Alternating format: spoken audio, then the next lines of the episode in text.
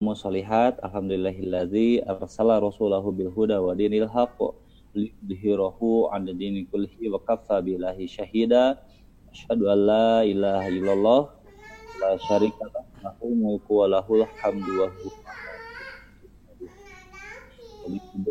huwa bil wa bi Muhammadin nabiyya wa rasulah Alhamdulillah puji serta syukur kita panjatkan kepada Allah Subhanahu taala. Allah Azza wa Jalla yang telah memberikan kepada kita semua nikmat nikmat Islam, nikmat jasmani, nikmat rohani, nikmat diberikan waktu kesempatan oleh Allah Subhanahu taala untuk beribadah kembali. Wabil khusus pada malam hari ini Rabu tanggal uh, 4 Zulqa'dah atau bertepatan dengan tanggal 25 uh, Juni 2020. Jemaah sekalian rahimahi rahimakumullah, kita panjatkan pula kepada junjungan kita, uswah kita, qudwah kita Nabi Muhammad sallallahu alaihi wasallam kepada keluarganya, para sahabatnya, para tabi'in, para tabi'in, tabi'in, para ulama dan tentu saja kepada kita semua yang hadir di majelis uh, pekerja mengaji ini. Dan juga alhamdulillah pada malam ini ada yang tergabung dari berbagai komunitas di antaranya ada dari komunitas Cisauk Mengaji, kemudian Ikhlas Mengaji, dan juga ada dari um, apa namanya kemarin itu sebentar itu. Ada dari lu panjang banget nih banyak ada dari empat komunitas besar sekarang yang sudah tergabung ya. Selain dari jamaah yang berada di luar kota bahkan dari luar negeri nih Ustaz ya, dari Eropa juga khususnya dari Belanda yang kemarin menyimak itu ada beberapa yang ikut menyimak, alhamdulillah bisa hadir juga di kajian ini.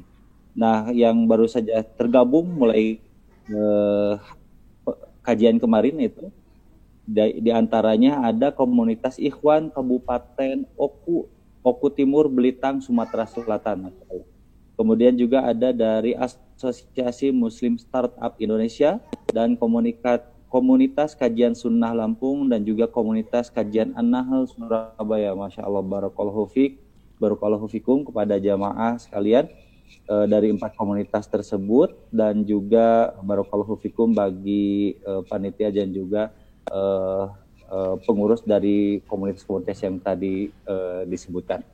Jamaah yang dimuliakan Allah taala sesuai dengan agenda pada malam hari ini yakni kita akan sama-sama menyimak apa yang akan diuraikan oleh Al Ustadz Aris Munandar Hafizahullah taala tentang uh, cara mudah belajar Islam. Nah, ini cara mudah belajar Islam ini sangat penting bagi kita semua.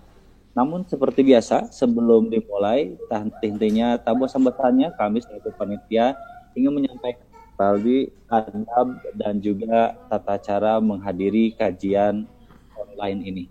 Yang pertama ada yang pertama adalah peserta atau jemaah kajian wajib menentukan namanya, nama aslinya gitu ya, atau pakai inisialnya seperti Abu Fulan, Abu Fulana itu diperbolehkan. Nah, kalau misalkan masih menggunakan namanya dari perangkatnya, perangkat HP ataupun laptop, maka panitia atau uh, panitia atau pengurus pekerja menggaji akan menundanya di waiting room sampai yang bersangkutan menggunakan nama aslinya. Yang kedua, eh, adabnya adalah peserta atau jamaah sekalian wajib memute mikrofonnya selama kajian berlangsung. Eh, mikrofonnya di aplikasi Zoom baik di HP ataupun. Adab yang ketiga, jamaah selama kajian langsung uh, tidak diperkenankan saling mengobrol atau berbicara sendiri. Ya, eh, kemudian juga ada yang keempat khusus untuk jamaah akhwat selama kajian wajib menonaktifkan kameranya pada aplikasi Zoom. Kemudian ada yang kelima pada sesi tanya jawab kami akan mempersilahkan atau memberikan kesempatan kepada jamaah untuk bertanya melalui tombol raise hand ya. Tombol raise hand. Kemudian juga ada yang keempat bila menggunakan HP selama kajian berlangsung ataupun juga uh, volumenya kurang terdengar jelas, maka jamaah dapat mencoba dengan mengklik on speaker pada pojok kiri atas. Ya, on speaker pada pojok kiri atas yang ada tanda atau gambar uh, earphone. Nah, itu diklik nanti akan suara suaranya akan lebih terdengar lebih jelas lagi, insya Allah. Berikutnya ada yang ketujuh, bila tidak keluar voice atau tanda mic pada aplikasi Zoom jamaah, Anda uh, jamaah bisa mencoba dengan mengklik menu join audio di sebelah kiri bawah dan tekan tombol call via device audio. Kemudian yang kedelapan, bagi jamaah yang ingin menyalurkan hak terbaiknya untuk keberlangsungan kajian online ini dapat menyalurkan ke tiga nomor rekening berikut. Yang pertama Bank BNI Syariah dengan nomor rekening 0527542504. Bank Mandiri di 131000118477 Kemudian juga di Bank BCA dengan nomor rekening 77707099193. Semua rekening beratasnamakan Bapak Hasan Taufik. Dan bagi jamaah yang mempunyai e-wallet eh, dapat mengklik men-scan QR code yang berada di pojok kanan bawah ini. Scan QR code-nya, kemudian bagi jamaah yang mentransfer atau menginfakkan hartanya, silahkan untuk menambahkan angka unik yakni angka 9 di digit terakhir nominal transaksi ya. Seperti contoh di bawah, misalkan infaknya 50.000 atau 100.000 maka diakhiri dengan angka 9. 50.000 9 rupiah seperti itu. Baik, jemaah sekalian, jika telah e, mentransfer kemudian mengkonfirmasi ke panitia ya, ke panitia di 0811 2238732. Jadi mohon dicatat bagi yang berinfak silahkan untuk menyertakan angka unik ya ini angka 9 di digit terakhir nominal transaksi. Kemudian setelah mentransfer silahkan mengkonfirmasi ke panitia di nomor WA 0811 Baik, demikian untuk informasi yang bisa disampaikan. Mudah-mudahan kita semuanya diberikan kekhusyuan, kemudian Allah kepada kita semua ilmu yang bermanfaat.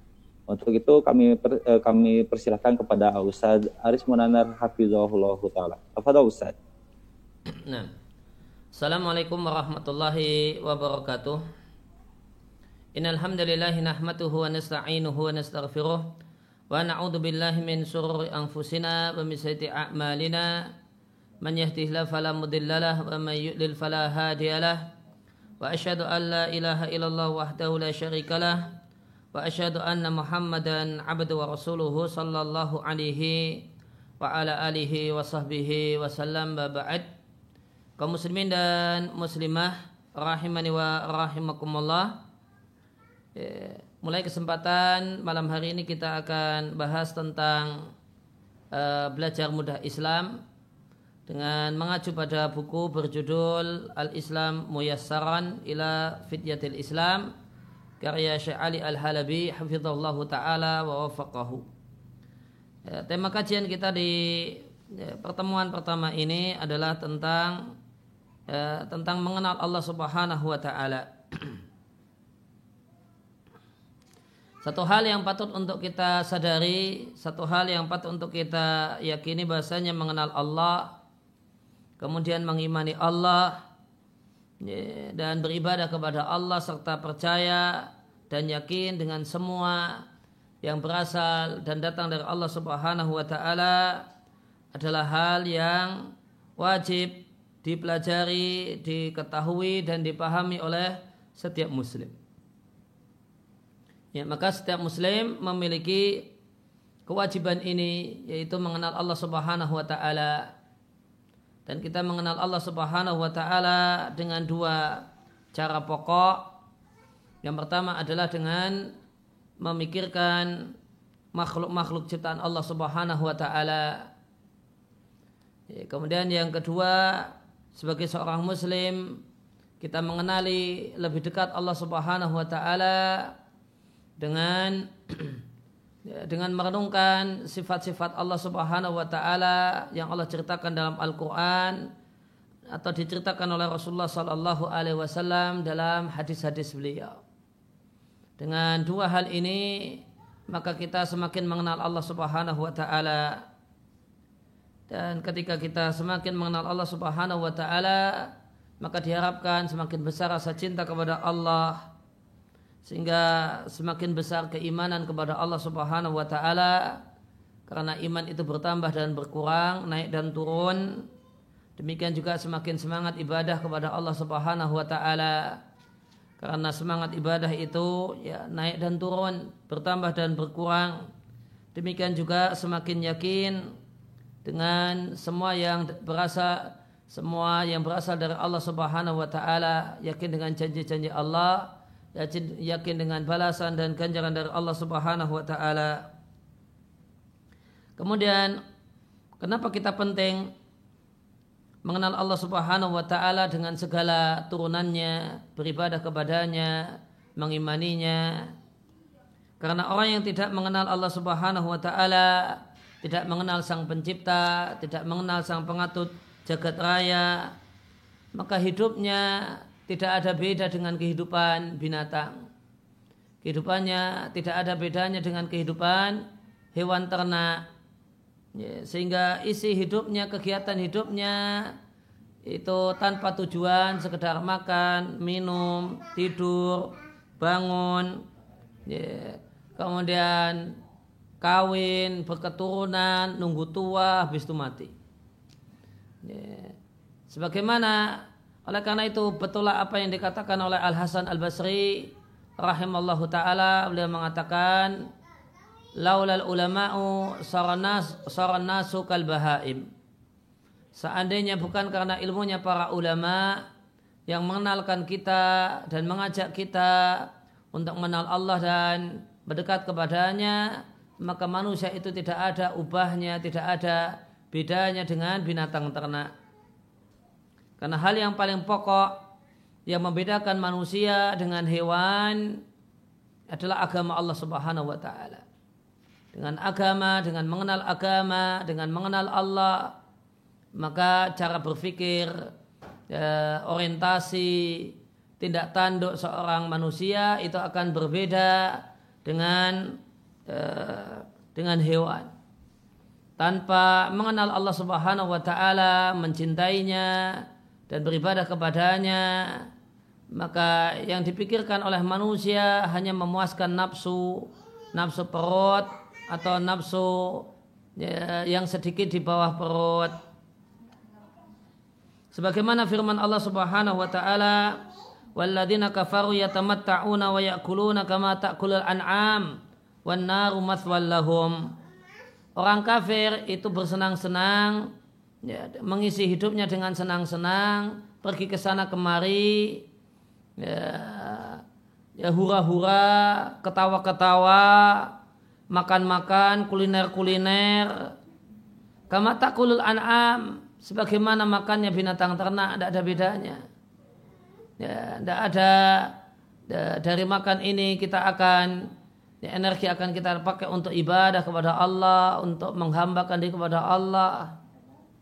Demikianlah keadaan orang kafir yang tidak mengenal Allah Subhanahu wa taala. Ya, Allah katakan kama taqulul an'am mengisi hidupnya dengan acara pokok makan dan senang-senang sebagaimana hewan. Wana rumah lahum dan neraka adalah tempat tinggal mereka. Dan orang yang yang tidak mengenal Allah Subhanahu wa taala maka cenderung mengikuti keinginannya, mengikuti seleranya ya. Dan mengakhirkan dan menyingkirkan akalnya. Oleh karena itu orang yang tidak mengenal Allah Subhanahu wa taala akan merusak di muka bumi.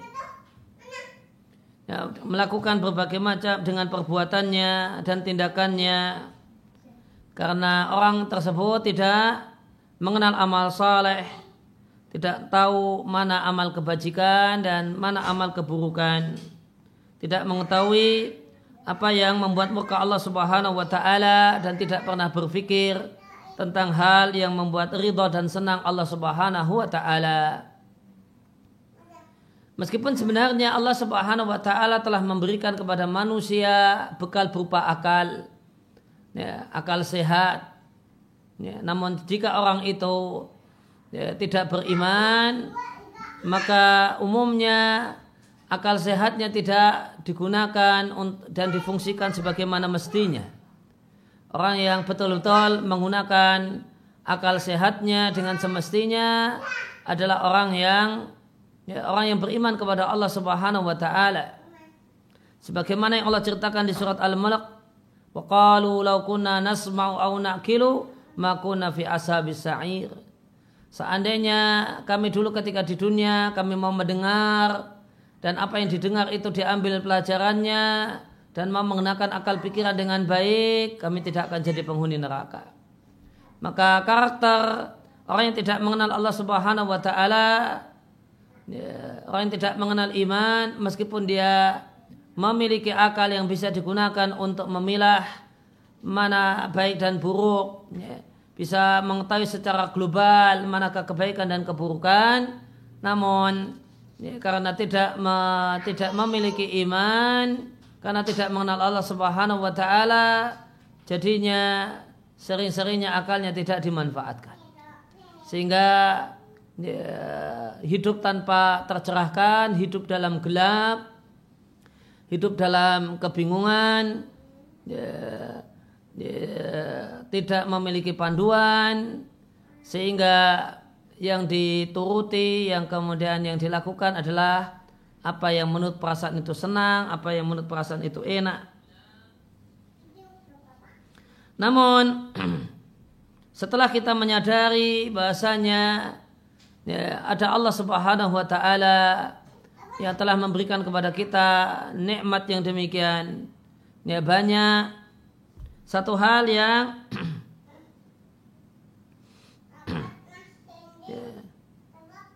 ya, satu hal yang patut untuk kita sadari bahasanya ya, setiap orang tidak akan mampu mengetahui jalan yang baik ya, untuk menggunakan apa pun kecuali mendapatkan petunjuk ya, dari orang yang lebih mengenal hal tersebut daripada dirinya. Oleh karena itu seorang uh, oleh karena itu manusia di dunia ini tidaklah mampu melaksanakan peran yang semestinya dia laksanakan.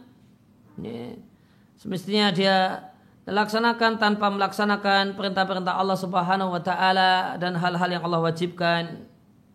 Dan orang yang paling mengenali manusia, orang yang paling tahu manusia adalah Allah Subhanahu wa taala. Karena Allah lah yang menciptakan manusia. Maka yang menciptakan dan membuat satu barang itulah yang paling tahu tentang kualitas barang tersebut dan apa yang paling cocok, ya, tindakan apa yang paling pas untuk barang yang dimaksudkan. Kalau kita ingin menggunakan uh, misalnya kendaraan ya, sepeda motor Honda maka bagaimanakah agar sepeda motor ini bisa dimanfaatkan dengan baik berumur panjang maka ikuti petunjuk dari pabrik Honda. Demikian juga ya, ketika manusia ingin betul-betul menjadi manusia yang bermanfaat maka ikuti petunjuk zat yang menciptakan manusia yaitu Allah Subhanahu wa taala. Maka kembali kita patut untuk kita camkan bahasanya orang yang tidak mengenal sang pencipta, mengenal Allah Subhanahu wa taala, mencintainya, mencintai Allah dan semangat untuk beribadah kepada Allah Subhanahu wa taala, maka dia tentu tindakannya, perbuatannya itu adalah tindakan dan perbuatan yang rusak. Karena orang tersebut tidaklah mengetahui nilai dan kedudukan dari zat yang memberikan petunjuk kepada jalan keselamatan, jalan keberuntungan yaitu Allah Subhanahu wa taala. Dan satu hal yang patut untuk kita yakini dan kita sadari bahasanya berbagai macam kerusakan yang terjadi di dunia ini tidak lain dan tidaklah bukan kecuali disebabkan karena jauh dari bimbingan zat yang mengetahui dan meng, zat yang yang mengetahui betul manusia dan yang manfaat bagi manusia itulah Allah Subhanahu wa taala. Berbagai macam kerusakan yang ada di di dunia ini, berbagai macam kejahatan yang tersebar di dunia ini tidak lain dan tidaklah bukan sebabnya adalah karena masa bodoh dan tidak peduli untuk melaksanakan perintah-perintah dan aturan-aturan Allah Subhanahu wa taala. Bapak dan Ibu kaum muslimin dan muslimah rahimani wa rahimakumullah dan nasib dari orang yang tidak mengenal Allah Subhanahu wa taala maka pada akhirnya ya, kehidupannya berakhir dengan datangnya ajal dalam keadaan tidak mengetahui ya, kenapa dia tercipta Ya. Dan ya, dia tinggal uh, untuk apa Allah ciptakan dia di dunia ini. Maka orang yang tidak mengenal Allah Subhanahu wa taala, dia tinggalkan dunia dalam keadaan dia tidak mengetahui kenapa Allah hadirkan dirinya ke dunia ini. Demikian keadaan, demikian nasib tragis orang yang tidak mengenal Allah Subhanahu wa taala, mencintainya dan beribadah kepadanya. Sedangkan orang yang betul-betul mengenal Allah, beriman kepadanya, mencintainya, mempercayai semua ajarannya dan semangat beribadah kepadanya, maka dia adalah ya, orang yang akan dibela oleh Allah Subhanahu wa taala.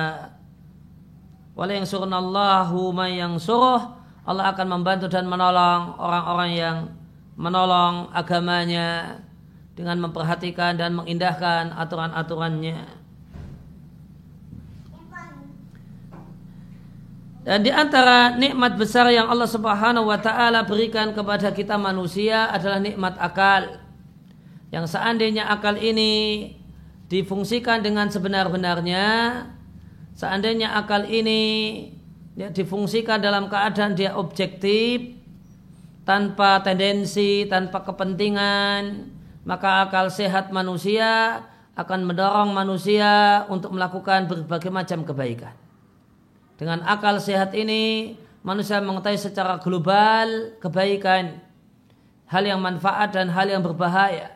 Dan akal pun mengatakan bahasanya ini hal yang manfaat dan berfaedah seharusnya saya laksanakan. Ini hal yang buruk dan berbahaya seharusnya saya tinggalkan. Dan satu hal yang patut untuk kita ingat bahwasanya maksiat itu terjadi dikarenakan orang itu mengesampingkan akalnya. Sebagaimana kata uh, Ibnu Qayyim rahimallahu taala beliau mengatakan bahasanya sebab ya, ya, akar ya, terjadinya kemaksiatan adalah takdimul hawa alal akli. Ya, maka kunci yang menyebabkan timbul dan tersebar timbul dan terwujudnya dan adanya maksiat adalah ya, mengutamakan ya, kesenangan ini enak ini nikmat ya, ini bikin saya senang ini asik dan hal-hal ini dinomorsatukan dengan menentir, dengan uh, dengan mengesampingkan pertimbangan akal sehat Akal sehat yang mengatakan ini memalukan, ini jelek, ini buruk, ini aib, itu ditinggalkan. Ya. Kenapa ada orang yang uh, nekat, dia adalah seorang pejabat, kemudian kemudian nekat, uh, ya, misalnya mengganggu istri orang, ya.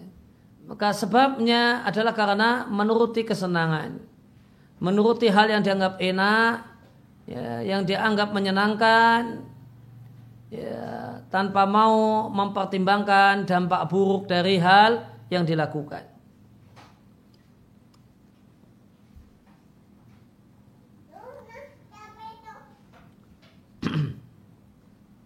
Ya, maka jika akal itu difungsikan dengan benar secara objektif, maka dia akan mengantarkan kepada perbuatan-perbuatan yang baik dan akan mengenali hal-hal yang baik dan hal yang buruk minimal secara global. Maka setiap orang Allah berikan nikmat berupa akal dan fungsi akal yang paling pokok adalah berpikir. Dan jika akal ini tidak difungsikan sebagaimana mestinya itu dipakai untuk berpikir, maka rusaklah kerja akal, maka nihil, maka maka hilanglah fungsi pokok akal, yaitu berpikir secara objektif ya, dan ini dampaknya adalah menjadi sebab manusia itu semakin jauh dari kebaikan dan malah makin dekat dengan kejelekan. Dan perlu diketahui bahasanya orang Arab menyebut akal dengan sebutan akal dari kata-kata ikol. Ikol itu makna aslinya adalah tali yang dipakai untuk mengikat uh, lutut depan kaki unta yang jika kaki onta ini lutut depannya diikat kuat-kuat maka dia tidak akan bisa bergerak ke mana pun.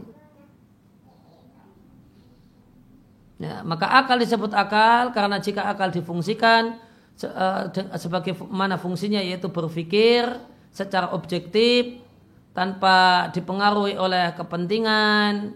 Ya, kemudian ya, tanpa dipengaruhi oleh kepentingan nafsu dan yang lainnya maka dia akan ya, mencegah manusia dari melakukan berbagai macam keburukan. Dan Allah Subhanahu wa taala di Al-Qur'an ya, mengajak kita untuk memikirkan ya, memikirkan makhluk dan memikirkan diri kita. Allah katakan, "Kul hal yastawil a'ma wal basir?" Katakan apakah sama orang yang buta dan yang melihat? Tentu berbeda. Apakah sama orang yang bodoh dengan orang yang berilmu? Tentu berbeda. Afala tatafakkaru? Tidakkah kalian berpikir? Dan Allah katakan awalam yatafakkaru fi anfusihim. Tidakkah mereka memikirkan diri mereka sendiri? Maka Allah perintahkan kita untuk memikirkan diri kita, badan kita. Tidak harus muluk-muluk memikirkan matahari, rembulan yang jauh-jauh. Cukup memikirkan gimana kita makan, gimana kita bernapas, gimana kita buang air. Maka akan terlihat betapa besar nikmat Allah subhanahu wa ta'ala akan terlihat bahasanya ini ada yang mengatur. Itulah Allah Subhanahu wa taala. Dan yang mengatur itu adalah zat yang demikian berilmu. Ya, dan zat yang mengatur itu demikian adalah zat yang demikian kuasa. Maka kita pun ya, dan karena dia demikian baik dengan berbagai macam nikmatnya, maka kita pun mencintainya. Kemudian kita menyembahnya.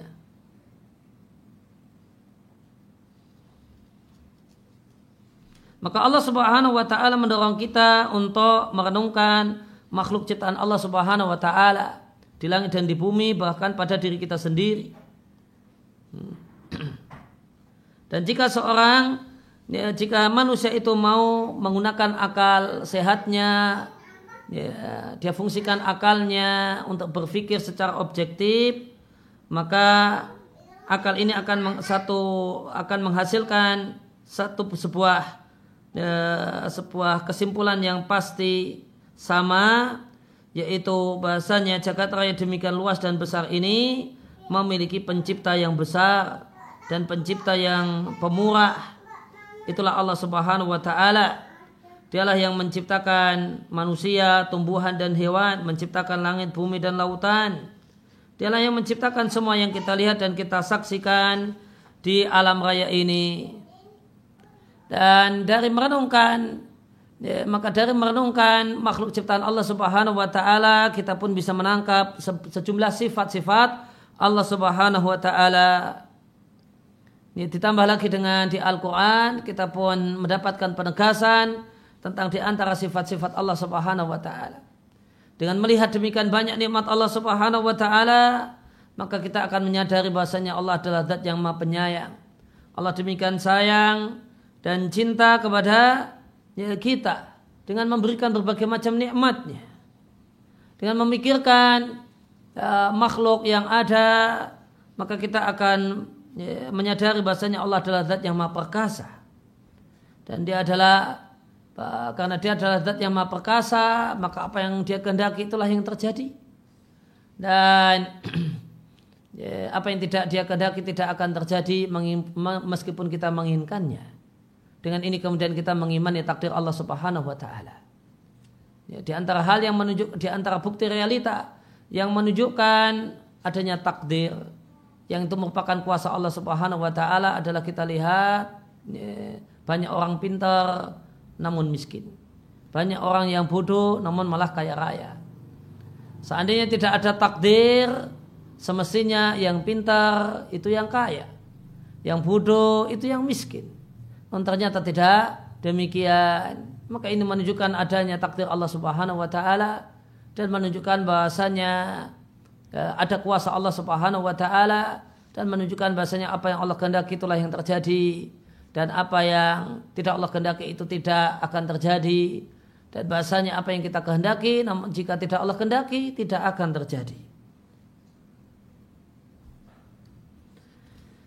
Dan tujuan pokok kita mengenali Allah Subhanahu wa taala dengan sifat-sifatnya. Tujuan pokoknya adalah supaya kita menyadari ya, betapa mulianya Allah Subhanahu wa taala. Betapa Allah adalah zat yang maha kuasa.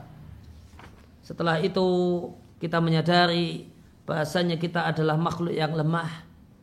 Kita pun menyadari bahasanya kita itu fakir dan membutuhkan Allah Subhanahu wa taala.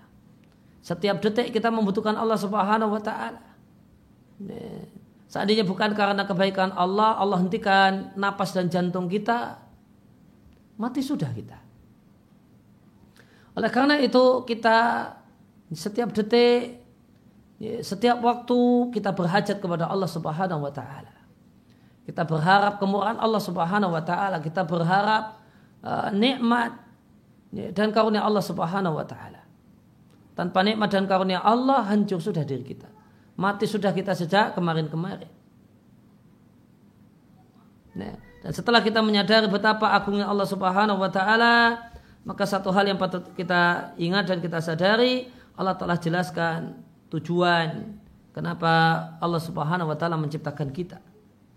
Ya, Allah telah jelaskan kepada kita sebab kenapa Allah Subhanahu wa taala menciptakan dunia ini dan menciptakan manusia dengan firman Allah Subhanahu wa taala di surat Az-Zariyat 56, "Wa ma khalaqtul jinna wal insa illa liya'buduni."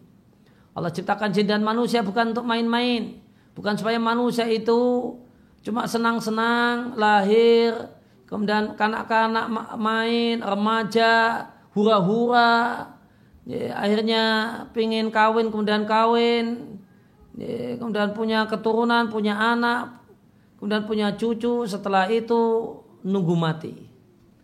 Ya, Allah tidaklah menciptakan manusia cuma untuk seperti ini. Ya. Namun Allah Subhanahu wa taala menciptakan manusia agar kita ya, hidup di dunia ini tahu kita punya misi. Kita punya misi. Kita bukanlah orang yang ada ada di dunia ini tanpa misi, namun kita punya misi besar yaitu beribadah kepada Allah Subhanahu wa taala memanfaatkan semua potensi yang ada, waktu, tenaga, pikiran, tangan, kaki, dan seluruhnya untuk ya, menghinakan diri di hadapan Allah Subhanahu wa taala. Mengaku kebesaran Allah Subhanahu wa taala dan mengetahui kelemahan kita, kemudian kita pun menyembahnya dan beribadah kepadanya dan khusyuk taat kepadanya. Maka ibadah itulah tujuan ya, tujuan penciptaan kita yang ibadah ini wajib kita laksanakan dengan semestinya karena taat kepada Allah Subhanahu wa taala. Maka perhatikan ibadah kita kita lakukan itu karena taat kepada Allah Subhanahu wa taala. Ya, dan ibadah itu kita lakukan karena itulah bentuk syukur kita kepada Allah atas nikmat yang demikian banyak yang Allah Subhanahu wa taala berikan kepada kita. Ya, maka tujuan pokok dari ibadah itu bukan dan tujuan pokoknya bukan rezeki lancar, kemudian karir melejit uh, naik, ya, bukan itu tujuan uh, pokok ibadah. Sebagian orang mengira bahasa itu tujuan pokok ibadah. Sehingga ketika rajin sholat, rajin puasa, rezeki seret, kemudian protes. Dalam tanda kutip protes kepada Allah. Ya Allah saya sudah rajin sholat, saya rajin puasa, saya rajin zikir, saya rajin baca Quran. Kenapa seret rezeki saya? Nah, maka ini bukan maksud pokok kita beribadah kepada Allah Subhanahu wa taala. Ya, di sini sampaikan maksud pokok kita beribadah kepada Allah itu dua. Yang pertama adalah taatan lillahi subhanahu. Sebagai bentuk ketaatan kita kepada Allah, pengakuan bahasanya kita itu hamba. Pengakuan bahasanya bentuk real, pengakuan kita bahasanya kita hamba Allah Subhanahu wa taala. Ya. Maka hamba yang namanya hamba itu tunduk pada tuannya. Maka kita ingin jadi hamba yang baik dengan taat kepada Allah Subhanahu wa taala dengan beribadah kepada Allah. Kemudian tujuan yang kedua, motivasi yang kedua adalah karena ya, kita beribadah kepada Allah sebagai bentuk syukur atas nikmat Allah Subhanahu wa taala yang demikian berlimpah untuk kita. Sebagaimana firman Allah Subhanahu wa taala, "Wa in ta'utu ni'matallahi la tuhsuha." Jika kalian menghitung nikmat-nikmat Allah Subhanahu wa taala, kalian tidak akan mampu menghitungnya. Satu hal yang patut kita ingat, kita manusia tidak bisa menghitung jenis nikmat, apalagi satuan nikmat. Hmm. Apalagi satuan nikmat, jenis nikmat Contohnya bernapas, itu satu jenis. Nanti bernapas, bisa mengunyah makanan, itu satu jenis. Bisa menelan makanan, itu satu jenis yang lain. Dan setiap uh, tarikan napas, itu satu nikmat. Sehari semalam kita itu tarik nafas berapa ribu kali atau berapa juta kali. Maka itu satuan dari nikmat bernapas. Ya, seandainya manusia diminta untuk menyebutkan nikmat Allah dari dari ujung kepalanya sampai ujung kakinya, jenis nikmatnya itu apa saja, itu manusia kerepotan untuk menghitungnya. Untuk menghitungnya Ya, dari atas bisa melihat, uh, nikmat melihat, bisa melihat. Ini jenis nikmat. Satuan nikmat uh, adalah melihat tiap-tiap benda yang bisa kita lihat. Oh ini lihat, oh ini pintu. Oh ini terlihat pintu terbuka sehingga kita tidak nabrak pintu. Oh kita lihat ini tembok. Sehingga kita tidak nabrak tembok. Maka itu satuan nikmat melihat. Kita bisa detik ini melihat istri, detik ini kemudian melihat anak. Ya. Maka para setiap kali melihat istri dan terlihatlah istri secara jelas itu satuan nikmat. Ya. Maka berapa satuan nikmat melihat yang kita rasakan selama sehari semalam? Ya. Orang tidak bisa menghitungnya. Itu baru satu nikmat melihat. Baru kemudian satu nikmat bernapas. Satu nikmat menelan. Nanti setiap suapan yang tertelan itu satu nikmat tersendiri. Maka betapa banyaknya nikmat Allah Subhanahu wa taala. Jenis nikmat dihitung tidak mampu apalagi satuannya. Dan jika kita telah menyadari hal ini, maka bahasanya tugas kita kita adalah orang yang hidup di dunia ini punya misi dan misinya jelas menghambakan diri kepada Allah. Maka wajib atas kita untuk menyembah Allah dengan ibadah yang benar. Dan ibadah tersebut hanya untuk Allah Subhanahu wa taala semata dan tidak uh, untuk yang lainnya. Sehingga doa kita hanya untuk Allah. Yeah. Sehingga sholat kita hanya untuk Allah, sujud kita hanya untuk Allah. Rasa takut kita ya, ya, dengan terjadinya bencana dan malapetaka itu hanya kepada Allah dan seterusnya. Maka seluruh ibadah tidaklah boleh kecuali ditujukan kepada zat yang agung ini dialah karena dialah sang pencipta. Setelah dia mencipta dialah yang memberikan rezeki kepada kita. Setelah dia mencipta berikan rezeki dialah yang mengatur segala ya, segala sesuatu yang terjadi terjadi di jagat raya ini termasuk yang terjadi pada diri kita. Demikian uh, Ya, pembahasan tentang mengenal Allah Subhanahu wa taala.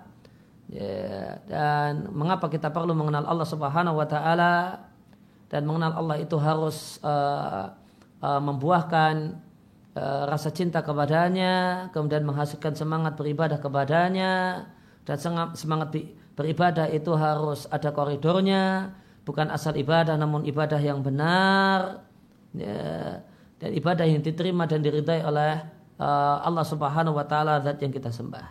Ya, demikian uh, materi pengantar dalam kesempatan pertemuan kali ini wasallallahu ala nabiyina Muhammadin wa ala alihi washabihi wasallam da'wana alhamdulillahirabbil alamin. Saya kembalikan ke moderator. Nah. Baik besar, syukran jazakallahu khairan. Ya, memang kita sebagai manusia itu, itu eh, sering lupa, sering keliru ya memahami rahmat Allah itu gitu ya. Memahami mengenal Allah itu terkadang semuanya berdasarkan materi gitu ya. Dilihatnya yang disebut beruntung itu adalah orang yang diberikan kekayaan yang cukup, karir yang bagus seperti yang tadi disampaikan. Nah kita sering tertipu ya. Nah tapi alhamdulillah kita sudah diingatkan kembali bahwa tugas kita seorang manusia ini adalah menghambakan diri kepada Allah Subhanahu tentu saja dengan melaksanakan seluruh perintahnya, perintah Allah Subhanahu dan menjauhi seluruh larangan-larangannya. Baik, kita sudah masuk ke sesi tanya jawab. Jadi jamaah yang ingin bertanya silahkan mengacungkan raise hand atau mengacungkan tangannya melalui tombol raise hand. Alhamdulillah sudah ada ini pertanyaan pertama ada uh, Ilham Reza Ferdia. Apa dong untuk pertanyaannya? Halo, Assalamualaikum. Waalaikumsalam warahmatullahi wabarakatuh. Monggo Mas Ilham, Bapak Ya, Ilham. Jazakallah khairan saat. Wa iyyakum. Ya saat ini saat ada ada sebenarnya ada pertanyaan buat buat saya saat tapi saya belum bisa menjawab makanya saya mau nanya ke Ustadz. Oke. Jadi ini ada lembaga keuangan syariah Ustadz. Gimana Mas? Insya Allah ada lembaga keuangan syariah Ya.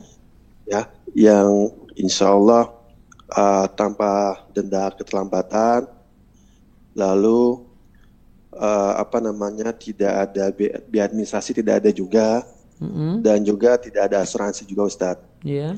dan, dan mereka melakukan akad merubah dengan cara tanpa akad wakalah Ustadz. Jadi benar-benar ada serat terima dulu, ada obat dulu. Oh Masya Nah, pertanyaan ya insya Allah. Nah, pertanyaan adalah Ustadz gini Ustadz. Anggap aja uh, mobil Ustadz ya, pemilik mobil anggap aja namanya Pak Agus. Ya. Pak Agus punya mobil. Lalu yang mau beli akhirnya itu Pak Budi. Nah, Pak Agus kan sudah sudah terima uh, dari Pak Agus ke lembaga keuangan syariah tersebut. Nah, lalu kan dari lembaga keuangan syariah tersebut di- dijual kembali kepada Pak Budi Ustadz ya. Pak Nah, Agus ini siapa? Pak Agus ini siapa? Agusnya yang yang yang pe- pe- pe- pemilik mobil. Pemilik di awal. mobil, kemudian lembaga Ah. keuangan, kemudian Pak Budi. Pak Budi uh, sebagai nasabah uh, Iya. konsumen terakhir.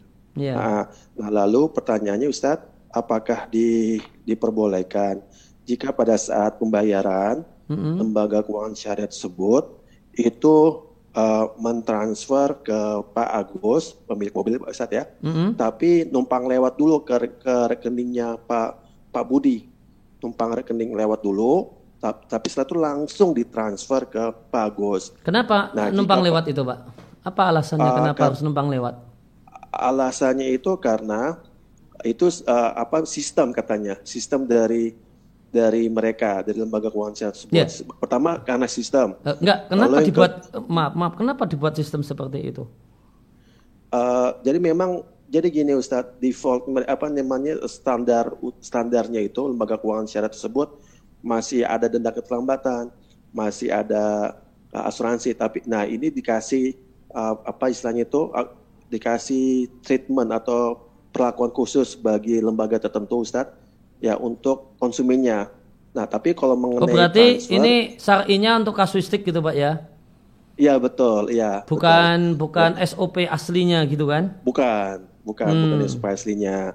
Uh, jadi karena ini ada kebetulan salah satu lembaga yang kerjasama dengan ba- lembaga keuangan syariah tersebut. Nah, lembaga tersebut ya punya spesial treatment gitu, perlakuan khusus. Ya tadi mengenai yang tadi Ustadz. Nah itu tapi bermasalah kan? Ustadz, Eh hmm, sebentar Pak, Eh, kita diskusi aja. Itu itu kan berarti Baik. bermasalah ya, karena kan dia eh, kemudian harus lewat Pak Budi, terus Pak Budi transfer. Eh, artinya dia tuh ingin bentuknya itu ngutangi Pak Budi, kemudian Pak Budi langsung bayar ke eh, ke Pak Agus gitu ya Pak ya? Uh, tapi Pak Budi uh, jadi cuma numpang lewat aja, Ustadz. jadi langsung ditransferkan Sama Pak Budi Agus. kan? Di, langsung ditransferkan sama Pak Budi kan tentunya? Bukan, bukan, bukan. Oleh lembaga keuangan syariah tersebut. Jadi cuma numpang lewat saja, Ustadz. Numpang Saya, lewat. saya jadi tidak paham numpang lewatnya itu gimana Pak, maaf. Uh, jadi istilahnya itu cuma cuma cuma apa istilah cuma cuma sesaat saja gitu di rekeningnya Pak Budi. Ya, setelah Ya kan? itu yang narik Nah. dari rekeningnya Pak Budi siapa? Dan yang mentransfer ke tersebut. Masa kemudian lembaga, itu bisa masuk ke rekeningnya Pak Budi tanpa Pak Budi yang melakukan tindakan, Pak? Uh, nah itu itu karena ini memang tanpa izin Ustaz, tapi itu karena tadi karena sistemnya mereka seperti itu. Eh, jadi cuma numpang Nggak, lewat ini saja. ini ini saya curigai, Pak. Letak letak curiganya di sini. Letak curiganya di sini yaitu ini mau eh, menanamkan kesan atau kemudian formalitas bahwasanya secara formalitas dia itu ngutangi ngutangi Pak Budi. Kemudian atas nama Pak Budi dia membayar ke Pak Agus gitu. Sehingga eh, ya artinya meskipun dia ya, itu yang mau mau mau dikesankan kepada atasan karena ini kan ngakali di sini. Ini kan bukan SOP asli. Ini SOP dalam artian mengakali. Nah, SOP aslinya SOP asli bisa dari lembaga ini bisa kita tebak, Pak.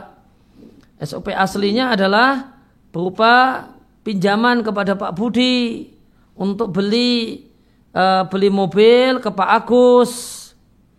Ya, kemudian nanti ngangsur ke lembaga ini. Ini SOP aslinya. Nah, ketika ada permintaan khusus, ya maka kemudian oleh lembaga ini di, dibuat uh, treatment sedemikian rupa agar secara SOP nggak ngelanggar. Ya, secara SOP nggak ngelanggar, namun permintaannya Pak Budi ini juga uh, diakomodir. Sehingga uh, itu sekedar trik trik untuk mengakali SOP. Jadi sistem itu bisa kita pastikan adalah trik untuk mengakali SOP yang tidak ya, benar, SOP yang tidak syar'i. Dan nanti ya, Pak Budi tentu kemudian dijanji, dijanji nggak boleh telat ya Pak ya. Kita sudah buatkan uh, apa treatment khusus untuk jenengan, untuk antum. Ya, syaratnya jangan telat. Kalau telat nanti kita bermasalah sama atasan gitu. Uh, sehingga boleh jadi ketika tanda tangan transaksi ya ini ini ya uh, kelihatannya kita coret tapi janji ya Pak ya. Denda kewajiban denda itu kita coret. Non janji ya Pak ya jangan sampai ya, uh, telat. Nanti kita bermasalah sama atasan. Gitu ya Pak ya Uh, iya Ustaz. Tapi memang ini Ustaz kerjasamanya itu Ustaz tadi uh, itu lembaga tersebut bersama dengan pusat Ustaz, dengan lembaga keuangan syariah secara pusat. Jadi itu bukan hanya di cabang tapi di pusat. Lalu Ustadz ini sebagai informasi juga Ustadz.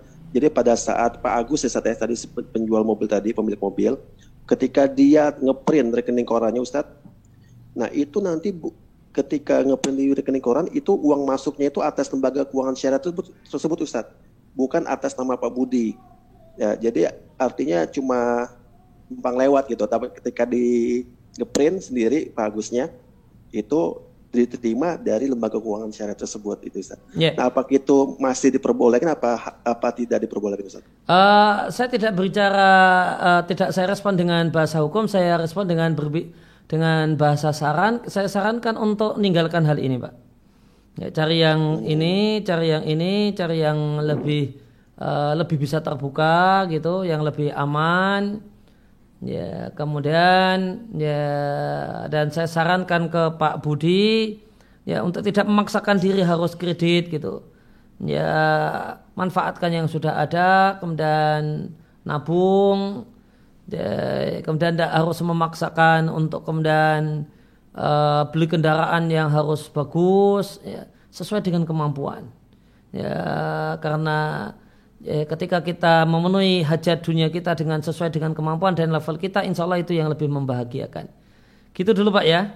Mungkin untuk yang Jazakallah khairan. Baik, uh, mudah-mudahan lebih jelas ya mungkin nanti ada kesempatan di uh, pekerja mengaji ini juga ada kajian tentang fikih muamalah kontemporer. Iya. Nanti, jadi nanti Allah mungkin ada kesempatan ya. Iya. Ada kalau mungkin untuk, pertanyaan uh, halo, kalau pertanyaan untuk apa muamalah karena uh, di forum ini sudah ada ahlinya ya saya lebih sarankan untuk kemudian ditanyakan kepada beliau. Iya. Baik, syukur jazakallah Ustaz atas uh, arahannya. Kemudian ini ada penanya, tadi itu ada Ah Endi ya, tapi ternyata di lower hand lagi. E, barusan ada Umu Adam e, The Wall dari Netherlands nih, dari Belanda ya, masya Allah. Silakan Umu Adam, pertanyaannya. Assalamualaikum warahmatullahi wabarakatuh. Ustaz. Waalaikumsalam warahmatullahi wabarakatuh. Uh, pertanyaan saya sebenarnya uh, ada hubungannya dengan muamalah bolehkah atau harus saya ajukan ke ustadz yang lain? Uh, silakan bu kalau sudah kalau sudah disiapkan silakan. Begini Ustadz, kami ibu-ibu pengajian di Belanda sering mengumpulkan uang untuk keperluan sodako atau sumbangan atau uang zakat fitr atau uang korban idul adha di Indonesia tergantung waktunya ini. Jadi kalau pas misalnya bulan Ramadan, kami mengumpulkan antara lain untuk zakat fitr.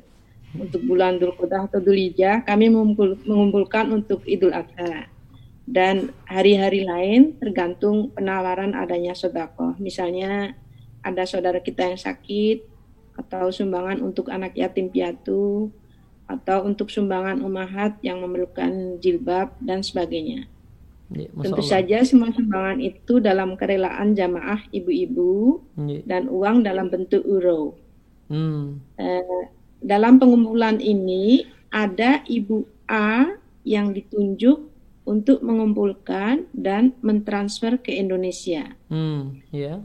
eh, pertanyaannya, ibu A akan mentransfer uang tersebut ke rekening keponakannya yang tinggal di Jakarta. Secepatnya uang tersebut oleh keponakannya akan ditransfer ke rekening-rekening tujuan akhir mm -hmm. atau yang membutuhkan. Yeah. Terkadang untuk uh, keperluan mendesak, sumbangan untuk biaya pengobatan misalnya, Ibu A akan meminta keponakannya terlebih dahulu untuk mentransfer sejumlah uang ke rekening tujuan akhir. Sementara uang uh, yang akan ditransfer dari dari Belanda, Belanda masih dalam proses. Hmm. Yang kedua, terkadang juga uang sumbangan yang bukan untuk zakat fitr atau idul adha ada masih pada ibu A. Kemudian beberapa ibu-ibu yang lain memberitahu kepada ibu A untuk segera mentransfer atau menyumbang karena saat itu kurs euro sedang tinggi. Hmm. Atau sebaliknya menyuruh ibu A untuk menunda dengan transfer itu karena kurs euro tidak bagus. Mm-hmm. Uh, tapi penundaan ini hanya beberapa bulan, sekitar empat bulan. Yeah. Uh, biaya transfer kadang ditanggung ibu A, kadang ditanggung bersama. Jadi dari, diambilkan dari uang yang terkumpul itu. Yeah. Ini melihat tergantung dari jumlah transfer. Yeah. Uh, dalam hal ini ibu A sama sekali tidak mengenakan biaya trans uh, administrasi untuk amal ini. Oh ya, masya Allah. Sekarang yang menjadi pertanyaan kami, apakah langkah kami pengajian dari ibu-ibu di Belanda ini sudah benar, ataukah kami dan ibu ibu A ini terkena hukum riba? Itu mohon penjelasannya Ustadz Aris. Saya kalah khairan sebelumnya. Pak, ya. Uh, ini Bu, uh, mungkin bisa saya minta penjelasan. Kalau transfer dari Ibu A ke keponakannya yang di Jakarta itu transfernya dalam bentuk apa Bu? Euro ataukah dalam bentuk rupiah? Euro, Mbak. Nah, berarti keponakannya nerima dalam bentuk euro, kemudian dia akan tukar ke bentuk rupiah, kemudian ditransfer ke rekening tujuan akhir. Oh, maaf kalau yang itu sepertinya ini karena uh, saya sendiri bukan yang ibu A. Itu biasanya ibu A mentransfer dalam euro, lalu hmm. keponakannya ini menerima dalam bentuk uh, rupiah. Hmm, berarti uh, proses pemindahan antara euro ke rupiah terjadi di mana, Bu? Dari sini, dari Belanda. Dari, dari Belanda, ya. Ya. J. Uh, ya. Dari Belanda. ya. Uh, sebenarnya lebih afdol, lebih baik, uh, lebih aman itu ketika uang bentuk euro dalam uh, bentuk euro yang ada di setelah kumpul di tempat Ibu A itu di uh, dipindahkan dulu ke bentuk rupiah. Kemudian jadi mungkin ada di money changer di Belanda itu kemudian di istilahnya di ini uh, ditukarkan ke rupiah sehingga ketika transfer ya, si ibu A ini transfer ke keponakannya yang di Jakarta tadi ya, transfernya statusnya standar uh, uh, transfer rupiah. Atau ya, atau keponakannya uh, itu punya punya rekening euro gitu kemudian ya, ditransfer dalam bentuk euro sampai Jakarta diambil kemudian baru di uh, ditukar dalam bentuk rupiah baru kemudian ditransfer. Itu yang lebih aman demikian, Bu. Saran saya agar uh, kalau bisa demikian. Karena nanti kalau kalau uh, ada sedikit permasalahan, uh, nanti akan ada sedikit ganjalan. Ketika di ketika nyerahkan di si ibu A ketika nyerahkan di bank di Belanda itu dalam bentuk euro kemudian diterima oleh si keponakan di Jakarta dalam bentuk rupiah. Itu nanti ada sedikit ganjalan secara sisi hukum. Maka jika memungkinkan uh, ya mungkin ada sedikit uh, repot sedikit. Nah ibu A ini pindahkan dulu ke rupiah baru ditransfer gitu bu saran saya oh ya ya Jaya kalah, jaya kalah khairan Ustaz Wa, Aris. Jazakumullah khairan. Nah. Baik, Alhamdulillah pertanyaan untuk Ummu Adam eh, sudah dituntaskan oleh Ustaz Aris. Berikutnya ini ada eh, pertanyaan melalui kolom chat. Sambil nunggu yang raise hand lagi ya. Yeah. Bismillahirrahmanirrahim. Assalamualaikum warahmatullahi wabarakatuh, Ustaz. Waalaikumsalam Ini pertanyaan pertanyaan tentang sesuatu yang baru atau booming pada saat ini, yakni produk dari suatu perusahaan yang terang-terangan mendukung LGBT dan ternyata produk itu sudah menjamur di Indonesia. Kemudian bagaimana sikap kita sebagai seorang muslim menyikapi hal tersebut dengan tepat dalam pandangan Islam? Apa? Ya. Yang pertama ketika eh, perusahaan tersebut mengumumkan secara terbuka sikapnya menyetujui uh, kemungkaran dan bahkan kekufuran, maka kita wajib mengingkari. Dan kita wajib uh, menegaskan kalau kita tidak setuju dan itu satu hal yang menyakiti umat Islam yang merupakan uh, konsumen besar dari produk perusahaan itu. Ya, ini harus kemudian disuarakan. Bahasanya kita tidak setuju dan kita berkeberatan dan kita adalah konsumen besar untuk produk itu. Kemudian uh, tentang kemudian uh, menyikapi uh, menyikapi produk-produknya, maka tentu uh, kita sikapi dengan uh, dengan objektif dan dengan uh, ya kita sikapi dengan objektif. Pertama untuk produk-produk yang di, dihasilkan oleh perusahaan ini tentu kita bisa pilih dan pilih ya, umat Islam punya produk alternatif ataukah tidak. Kemudian produk alternatif yang dimiliki oleh umat Islam itu kurang lebih sekualitas ataukah tidak. Ya. Maka jika umat Islam punya produk alternatif dan produk alternatifnya itu uh, ya kurang lebih sekualitas dengan produk dari perusahaan tadi seharusnya bentuk keperpihakan umat Islam terhadap ya, terhadap kebaikan dan bentuk protes umat Islam terhadap keburukan dan segala bentuknya adalah dengan meninggalkan produk dari perusahaan tadi dan beralih kepada produk ya, milik umat Islam yang kurang lebih sekualitas. Namun jika uh, umat Islam itu belum punya produk alternatif atau ada namun kualitasnya uh, sangat jauh untuk untuk seimbang atau menyaingi produk uh, perusahaan tadi maka tidak mengapa masih memakainya. Itu uh, kesimpulan yang jernih untuk uh, kasus ini. Nah. Jadi intinya kalau misalkan si produk perusahaan itu pasta gigi nah cari alternatifnya gitu ya Ustaz ya. betul ya. betul masih ada yang lain gitu ya, tidak mesti itu punya melulu, muslim gitu ya. ya, jangan cuma berpindah kepada yang sejenis ya tapi hmm. muslim punya ndak itu yang kurang hmm. lebih sekualitas gitu ya meskipun harganya beda dikit gitu ya lebih mahal misalkan. Iya gitu lebih ya. mahal asalkan tidak uh, tidak keterlaluan.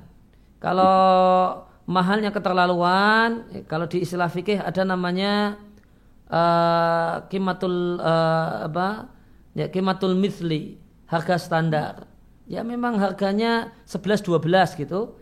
Ya istilah sekarang uh, maka enggak, uh, maka pilih produk milik muslim namun jika uh, perbedaannya adalah 11 dan 15 uh, punyanya muslim tadi yang 15 ya maka kita tidak bisa menyalahkan yang memilih produk yang dari perusahaan yang bermasalah karena dia jauh lebih murah. Nah. Baik ya. Baik, uh, mudah-mudahan jelas ya untuk Ukti Vira Ekasari. jawaban dari Ustadz. Semoga kita tetap beristiqomah untuk uh, apa tetap bersih dan juga sesuai syariah ya seperti itu. Dan karena dari uh, yang raise hand belum ada yang bertanya kembali, jadi Ana akan menyampaikan pertanyaan melalui chat kembali. Ya gimana Pak Bimo? Boleh ya? boleh bertanya? Silakan Pak Bimo. Eh, Jazakallah keren. Afan Ustaz, semoga Ustaz dan keluarga dalam lindungan Allah Subhanahu wa taala. Amin. Amin. Ustaz, mohon dijelaskan bagaimana menjelaskan kepada anak kita yang masih kecil, yang ya baru bayi, terus kemudian menjadi anak-anak, dikenalkan dengan uh, Allah. Kemudian kepada orang yang belum paham Islam, artinya dia sudah ber, sudah ber, sudah lumayan umurnya, sudah berumur, tapi belum mengenal Allah. Kemudian yang ketiga kepada orang yang baru masuk Islam. Ini adalah menurut saya yang eh, situasi yang tidak mudah untuk mengenalkan kepada anak, kepada orang yang belum paham Islam dan kepada mualaf ini. Ya, itu bagaimana Ustaz tahapannya dan caranya seperti apa? Uh, kalau untuk yang kedua Pak yang sudah berumur belum kenal Islam itu maksudnya dia dia berKTP Islam namun belum kenal Islam dalam artian belum semangat untuk beribadah atau uh, maksudnya apa Pak yang kedua itu?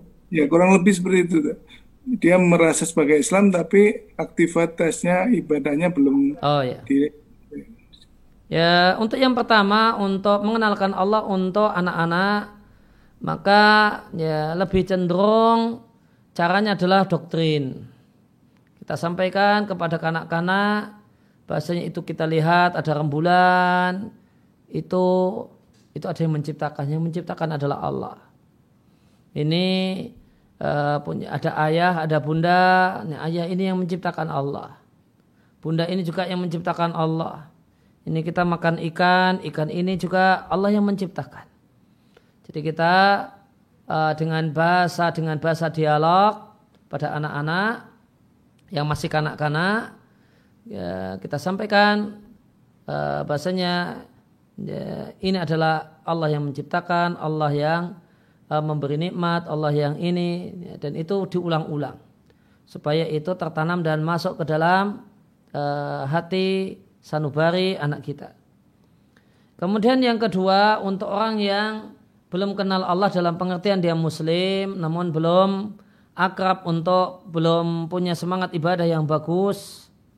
Ya, ya, maka ya tentu caranya adalah dengan ya, berdialog Ya, dan jika dia seorang muslim tentu semestinya dia mengimani hari akhir, mengimani kematian dan menyadari adanya kematian dan adanya uh, hari akhir setelah kematian.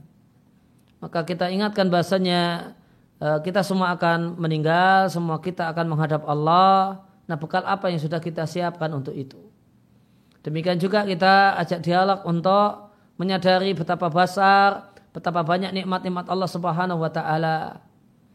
Ya, kita bisa tunjukkan satu persatu bagaimanakah nikmat yang Allah berikan pada kita ya, melalui badan kita dari nikmat mata melihat, melihat, nikmat mendengar, nikmat bisa berbicara, nikmat bisa makan, nikmat bisa kentut. Kita ceritakan ya, ada orang yang tidak bisa kentut biayanya sekian, ada orang yang tidak bisa kencing uh, maka perlu biaya sekian, ada orang yang tidak bisa nelan normal maka dibuatkanlah lubang makannya lewat hidung yang ini pun kemudian uh, menyusahkan banyak orang dan mengeluarkan biaya yang tidak sedikit dan seterusnya. Nah, kita diberi nikmat sehat, maka salahnya kita syukuri. Dan bentuk bersyukur kepada Allah Subhanahu wa taala dalam menggunakan nikmat tersebut, nikmat sehat, nikmat kaki yang sehat, tangan yang sehat, badan yang sehat, untuk taat kepada Allah Subhanahu wa taala. Ya, kemudian yang ketiga, kalau dia adalah orang yang baru saja masuk Islam. Ya, maka uh, kita lihat ya, apa motivasi yang mendorong untuk masuk Islam. Jika hal yang mendorong dia untuk masuk Islam adalah mengkaji ajaran Islam, kemudian merasa cocok, kemudian mengimaninya, tentu ya, kita tidak uh, ma uh, kita tidak perlu kemudian uh, diskusi panjang lebar tentang mengenal Allah Subhanahu wa taala karena dia sudah mempelajarinya. Namun perlu beliau ini diajari hal-hal yang mendasar dalam ajaran Islam dan dibimbing dan diajak, disemangati, dimotivasi untuk ya, uh, belajar lebih tekun tentang Islam. Karena dia masuk Islam setelah mengkaji Islam, mengkaji konsep ketuhanan dalam Islam dan seterusnya. Nah, maka perlu uh, perlu kemudian dipastikan dulu apa motivasi dia masuk Islam. Kalau gambarannya kita berbaik sangka, motivasinya adalah setelah uh, mengkaji Islam, setelah belajar Islam dan cocok dengan ajaran Islam, nah maka yang ya yang perlu adalah dimotivasi untuk dimotivasi, dibimbing dan digandeng untuk semangat belajar Islam. Nah,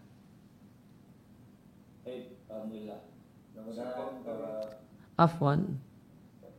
Mudah-mudahan uh, diberikan kekuatan yang untuk berdakwah dan diberikan solusi dan semoga Allah memberikan hidayah atas apa namanya objek dakwahnya Nabi ya. Amin. Musta'an. Baik, untuk selanjutnya eh, sebelum Ah Iwan yang ingin bertanya melalui voice, kami akan berikan kesempatan terlebih dahulu yang tadi sudah bertanya melalui kolom chat, yakni atas nama Ukti Alisa Tamarta pertanyaannya Assalamualaikum warahmatullahi wabarakatuh. Waalaikumsalam warahmatullahi wabarakatuh.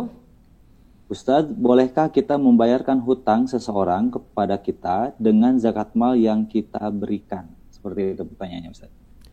Ya, bolehkah kita me melunasi hutang orang tersebut dengan uh, uh, bolehkah kita membayar zakatul mal yang menjadi kewajiban kita dengan memutihkan utang orang tersebut. Gitu maksudnya?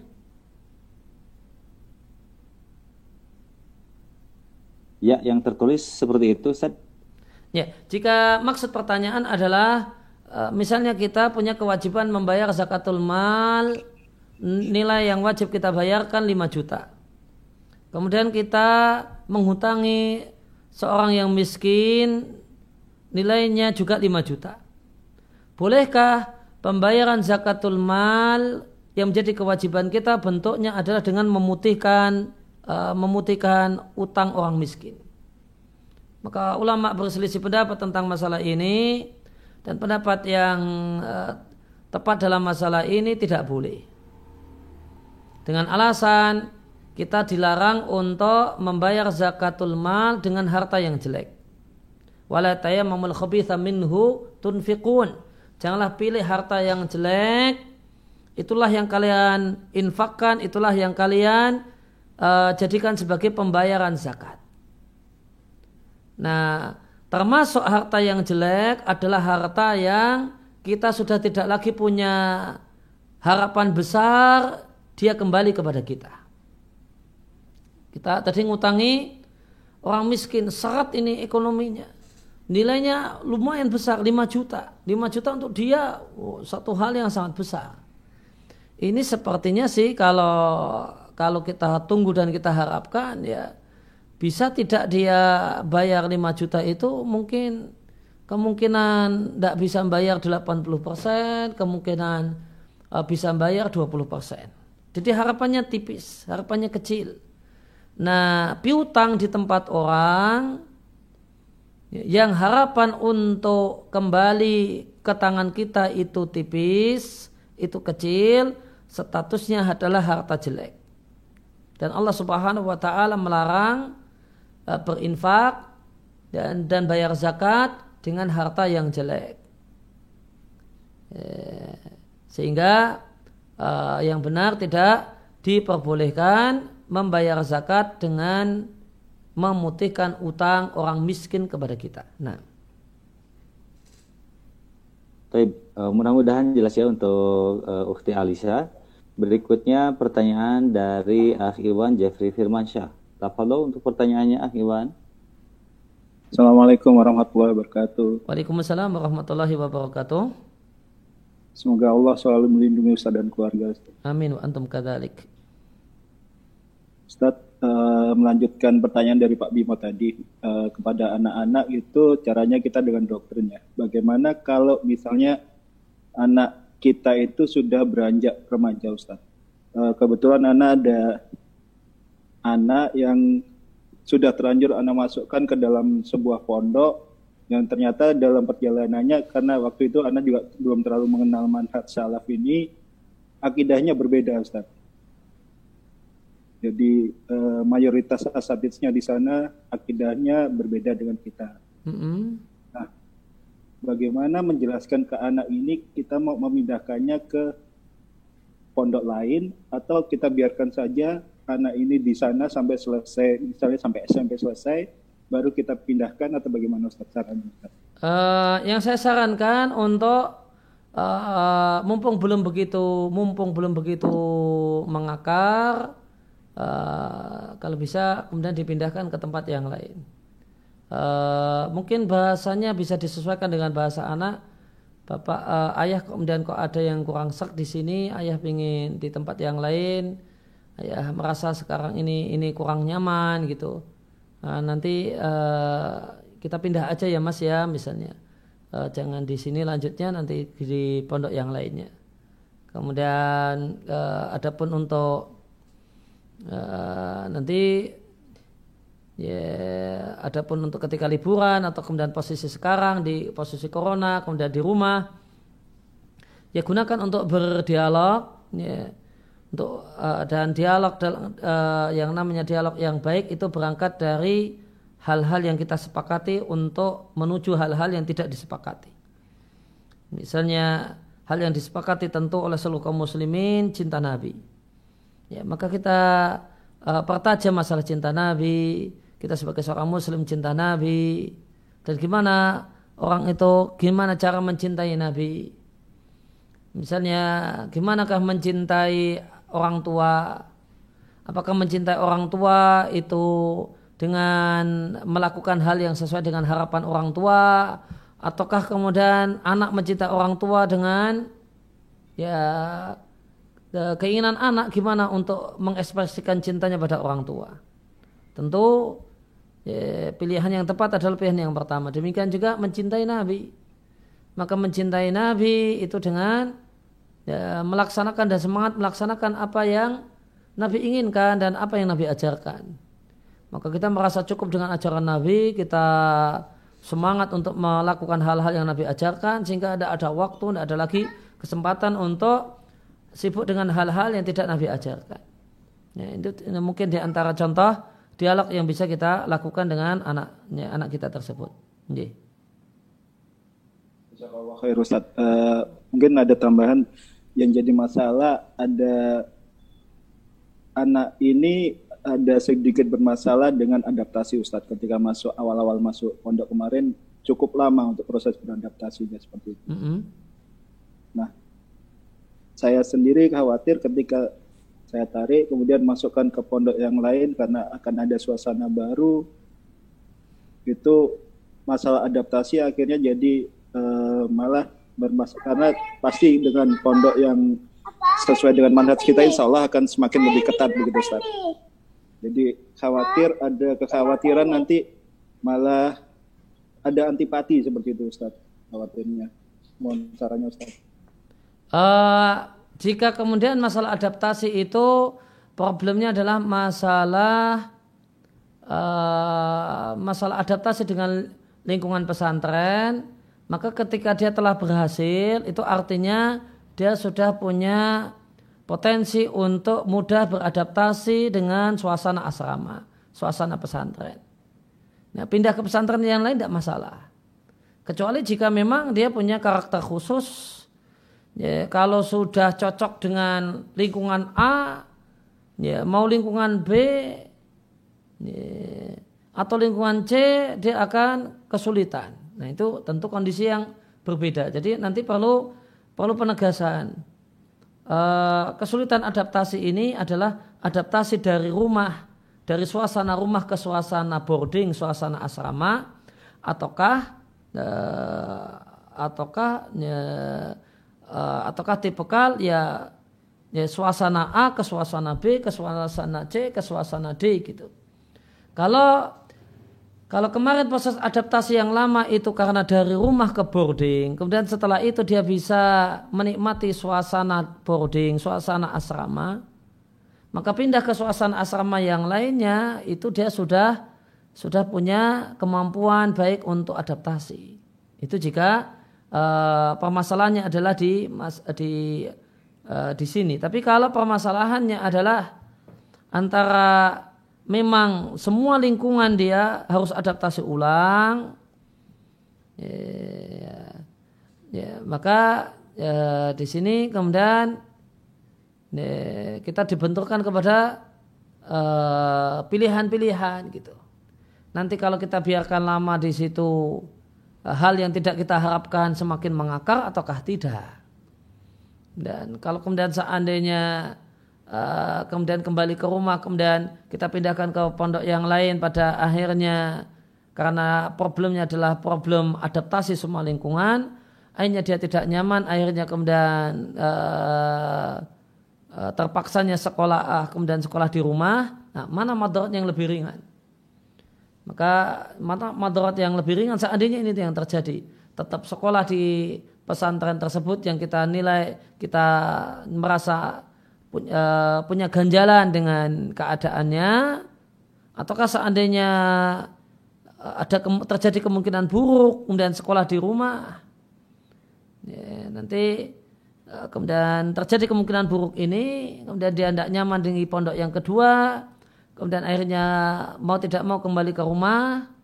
Nah mana uh, proses pendidikan yang paling paling berisiko? Ya maka itu bisa dipertimbangkan dan diambil manakah yang paling ringan resikonya.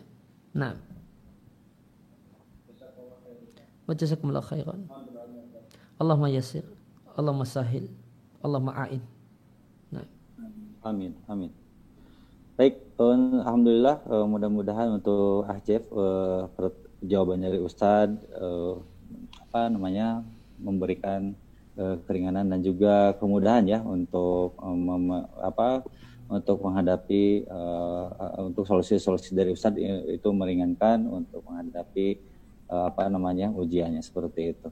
Untuk berikutnya kami persilahkan kepada jamaah yang ingin bertanya melalui voice audio silahkan ada Pak Freddy gitu. Oke, Assalamualaikum Ustaz. Waalaikumsalam warahmatullah. Semoga Allah terus melimpahkan kesehatan dan kerahmatan kepada Ustadz sekeluarga. Amin. Amin. Antum kadalik. Ustadz, uh, mohon maaf saya mau sharing aja nih Ustadz. Hmm. Uh, kita mungkin pernah sama-sama tahu ada kayak pelajaran sholat husuk gitu ya Ustadz ya. Iya. Yeah. Kemudian di salah satu metodenya atau stepnya itu mm-hmm. hampir sama kayak orang meditasi. Nah, mm-hmm. uh, jujur saya sendiri pernah ikut pelatihan sholat seperti itu. Kemudian uh, bertemu dengan teman-teman, ada juga yang memberikan nasihat, oh itu nggak boleh. Ada yang bilang, ada yang pro, ada yang kontra. Ibaratnya seperti Ustadz. Iya. Yeah. Nah, menurut gimana? Itu yang pertama Ustadz. Yang kedua, satu-satu, uh, gini Ustadz. Satu-satu aja gimana Mas? Oh boleh. Yeah. Tapi ada kaitannya juga sih Ustadz. Uh, kalau kita bukan bohong sih Ustadz, ibaratnya kita mengiyakan tapi dalam hati itu menolak kaitannya dengan sesuatu yang mungkin berbeda dengan uh, kaidah kita. Misalkan nih uh, ada adat istiadat yang animisme dan dinamisme gitu ya. Kayak di daerah Tapal Kuda ini kan banyak Ustadz. Ada juga yai-yai di pondok-pondok itu yang sering membagikan-bagikan sesuatu dalam kaitannya ini amanah lah atau apalah padahal kita tahu bahwa itu hal yang kurang baik dalam kaitannya tauhid kepada Allah Subhanahu wa taala. Itu aja sih mm-hmm. Ustaz. Mohon uh, pendapatnya Ustaz dan Terus uh, terus uh, problem untuk yang kedua itu apa yang di yang ingin dipertegas Mas?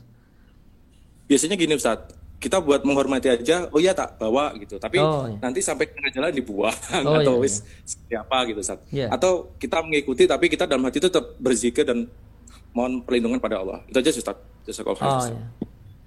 uh, yang pertama tentang pelatihan sholat khusyuk maka catatan uh, komentar yang bisa saya sampaikan bahasanya manusia yang paling khusyuk itu Nabi Shallallahu Alaihi Wasallam Dan kalau kita lihat sholatnya Nabi, itu tidaklah kemudian sholat beliau menyebabkan beliau seperti orang meditasi sehingga nggak tahu apa-apa. Beliau mengajarkan pada kita untuk ya membunuh kala jengking uh, ketika ada kala jengking yang lewat saat kita sholat. Dan ketika Nabi Shallallahu Alaihi Wasallam sholat di masjid, Nabi eh, sebenarnya ingin membaca surat yang panjang, kemudian namun Nabi mendengar ada uh, ada bayi yang nangis di belakang. Maka Nabi jadi uh, Nabi perpendek sholatnya. Nih, demikian juga satu ketika Nabi sholat, tiba-tiba lewatlah anak kambing yang dia lewat ngebut pakai lari.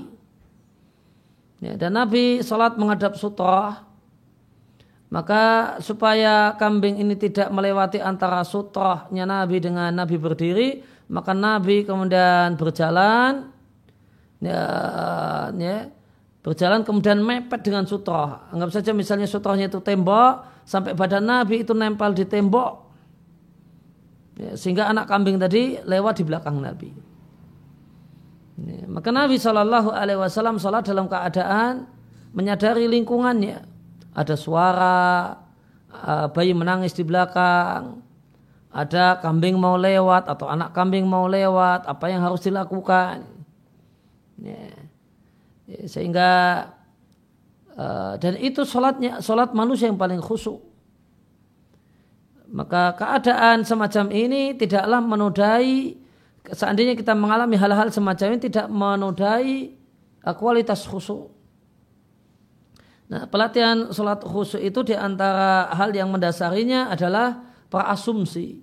Bahasanya orang khusyuk dalam sholat itu seperti orang semedi, seperti orang nah, meditasi, tidak tahu apa-apa yang terjadi di lingkungan dan sekelilingnya. Dan ini praasumsi yang ya, yang salah, yang tidak tepat jika kita bandingkan dengan uh, bagaimanakah sholatnya Nabi Shallallahu Alaihi Wasallam.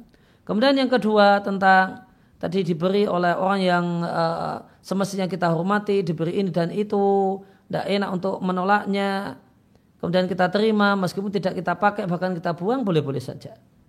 Nah.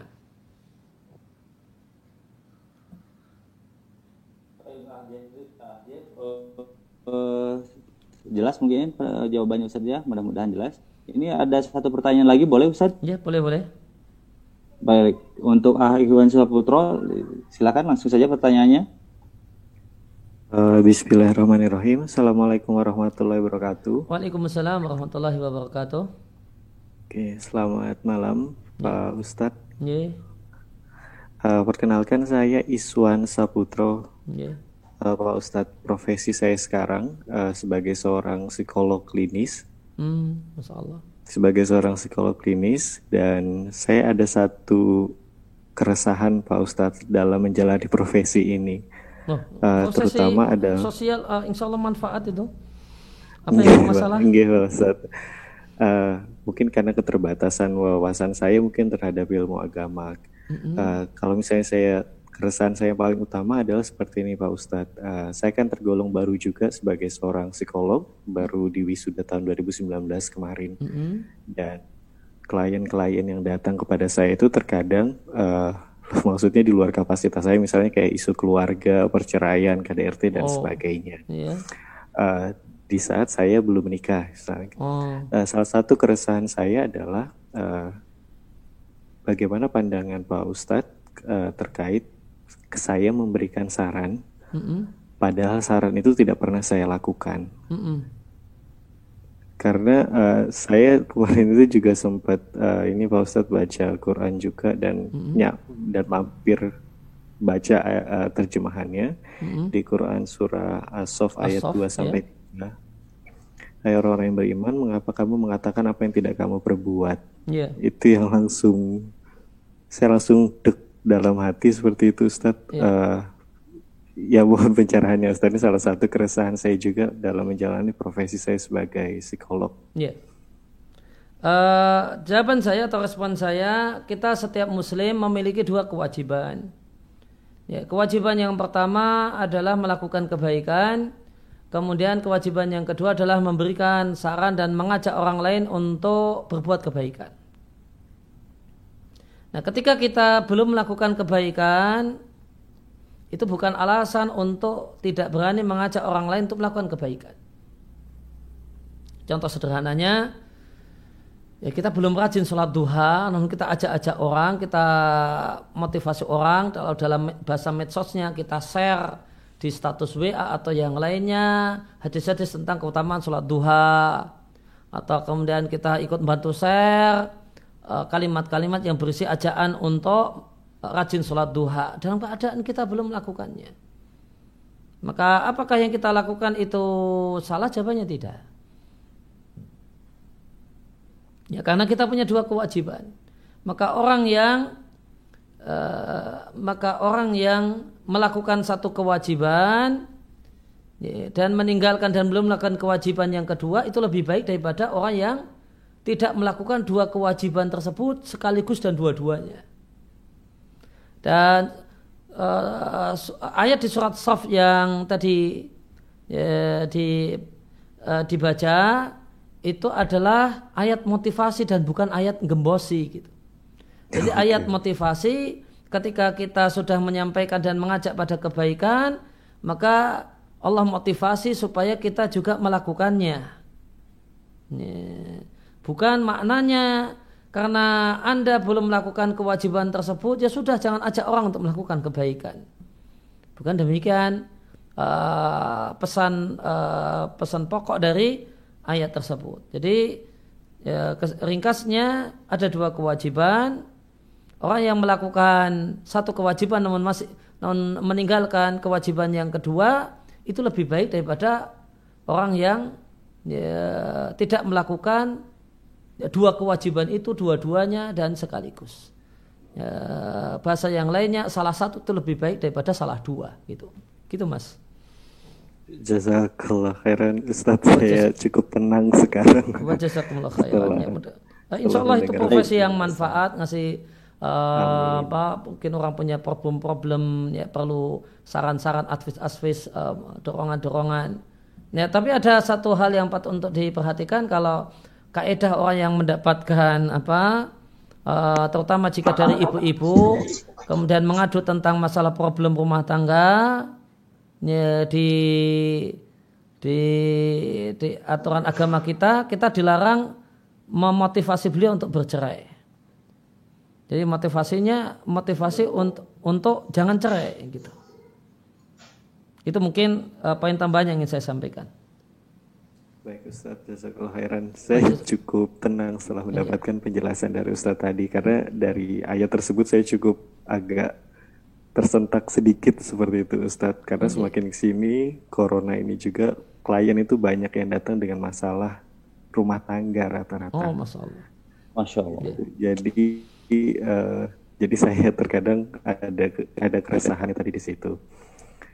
Jazakallah khairan Ustaz Baik, barakallahu fiq ya, uh, Iswan. Mudah-mudahan itu menenangkan dan tetap semangat untuk uh, memberikan manfaat khususnya dalam profesi sosial ini kepada Iswan barakallahu fiq. Alhamdulillah ini Ustaz kita sudah di penghujung acara yeah. tanggal uh, tepat pukul 21 lebih satu menit bahkan yeah. sebelum berpisah Ustaz silahkan untuk memberikan kuisnya kepada jamaah nanti kita akan pilih uh, uh, jamaah yang menjawab pertanyaan dari Ustadz yang tepal, paling tepat dan juga paling cepat. Oh, Jadi gitu. untuk kesempatan ada dua pertanyaan ya, ya, dua pertanyaan ya Pak ya. Uh, satu aja. Oh satu aja. Satu, satu aja. aja. Satu Maksudnya aja. dua pemenang gitu. Oh iya satu iya. aja iya. pertanyaan. Oh satu aja. Kalau satu saja satu tadi aja. dari materi yang saya sampaikan ada satu yang mungkin ingin saya jadikan sebagai kuis yaitu tadi kita bahas uh, untuk beribadah kepada Allah uh, beribadah kepada Allah Subhanahu wa taala ada dua motivasi. Ada dua motivasi dalam kita beribadah kepada Allah tolong sebutkan dua motivasi yang benar dalam beribadah kepada Allah Subhanahu wa taala. Yeah. Baik. Pertanyaannya saya ulangi berarti pertanyaannya adalah sebutkan dua motivasi dalam beribadah kepada Allah dengan benar gitu. Seperti yeah. itu saja. Yeah. Dua motivasi yang benar yang benarnya hmm. untuk motivasinya. Dua motivasi yang benar untuk beribadah kepada Allah Subhanahu wa taala. Yang tadi materi ya. yang kita sampaikan tadi di akhir-akhir materi, ya. Ya. Nanti jamaah yang yang uh, bisa menjawab silahkan jawabannya dikirimkan kepada host. Dari sini ada hostnya ini Ahdoni, Ahdoni L. Jadi silahkan ngechat jawaban dan juga nomor HP-nya. Insya Allah kami akan pilih dua penjawab uh, yang paling tepat dan juga paling cepat. Waktu untuk menjawab kami persilahkan uh, diberikan waktu 10 menit. Ya. Dan dengan demikian Ustaz silahkan untuk menutup uh, akhir kalam dengan doa mungkin dari Ustaz Tafadhol Ustaz. Ya, uh, Bapak dan Ibu sekalian, sebelum kita akhiri, uh, kami ucapkan terima kasih kehadiran Bapak dan Ibu sekalian di majelis virtual ini, di majelis online ini. Mudah-mudahan kehadiran kita dan semangat kita untuk menyimak uh, materi yang disampaikan dan yang dibahas. Allah catat sebagai amal soleh, amal ibadah yang memberat timbangan kebajikan kita. Di sisi Allah Subhanahu wa taala dari tidaklah bermanfaat harta dan anak kecuali orang yang menghadap Allah dengan hati yang bersih dan amal yang soleh. Dan kami ucapkan terima kasih kepada segenap panitia. Uh, mudah-mudahan uh, semua per, uh, peran serta segala semua panitia Allah catat sebagai amal ibadah amal jariah uh, bagian dari memperjuangkan agama ini dan menyebarluaskan ilmu agama ini. Ya, semoga uh, ya, Allah Subhanahu wa taala membalasnya dengan uh, dengan sebaik-baik balasan di dunia dan di akhirat. Ya demikian saya akhiri dengan kafaratul majlis. Subhanaka Allahumma wa bihamdika. Asyhadu an la ilaha illa anta astaghfiruka wa atubu ilaik dan saya mohon uh, pamit ya. Wassalamualaikum warahmatullahi wabarakatuh. Wajazakumullah khairan. Wajazakumullah khairan.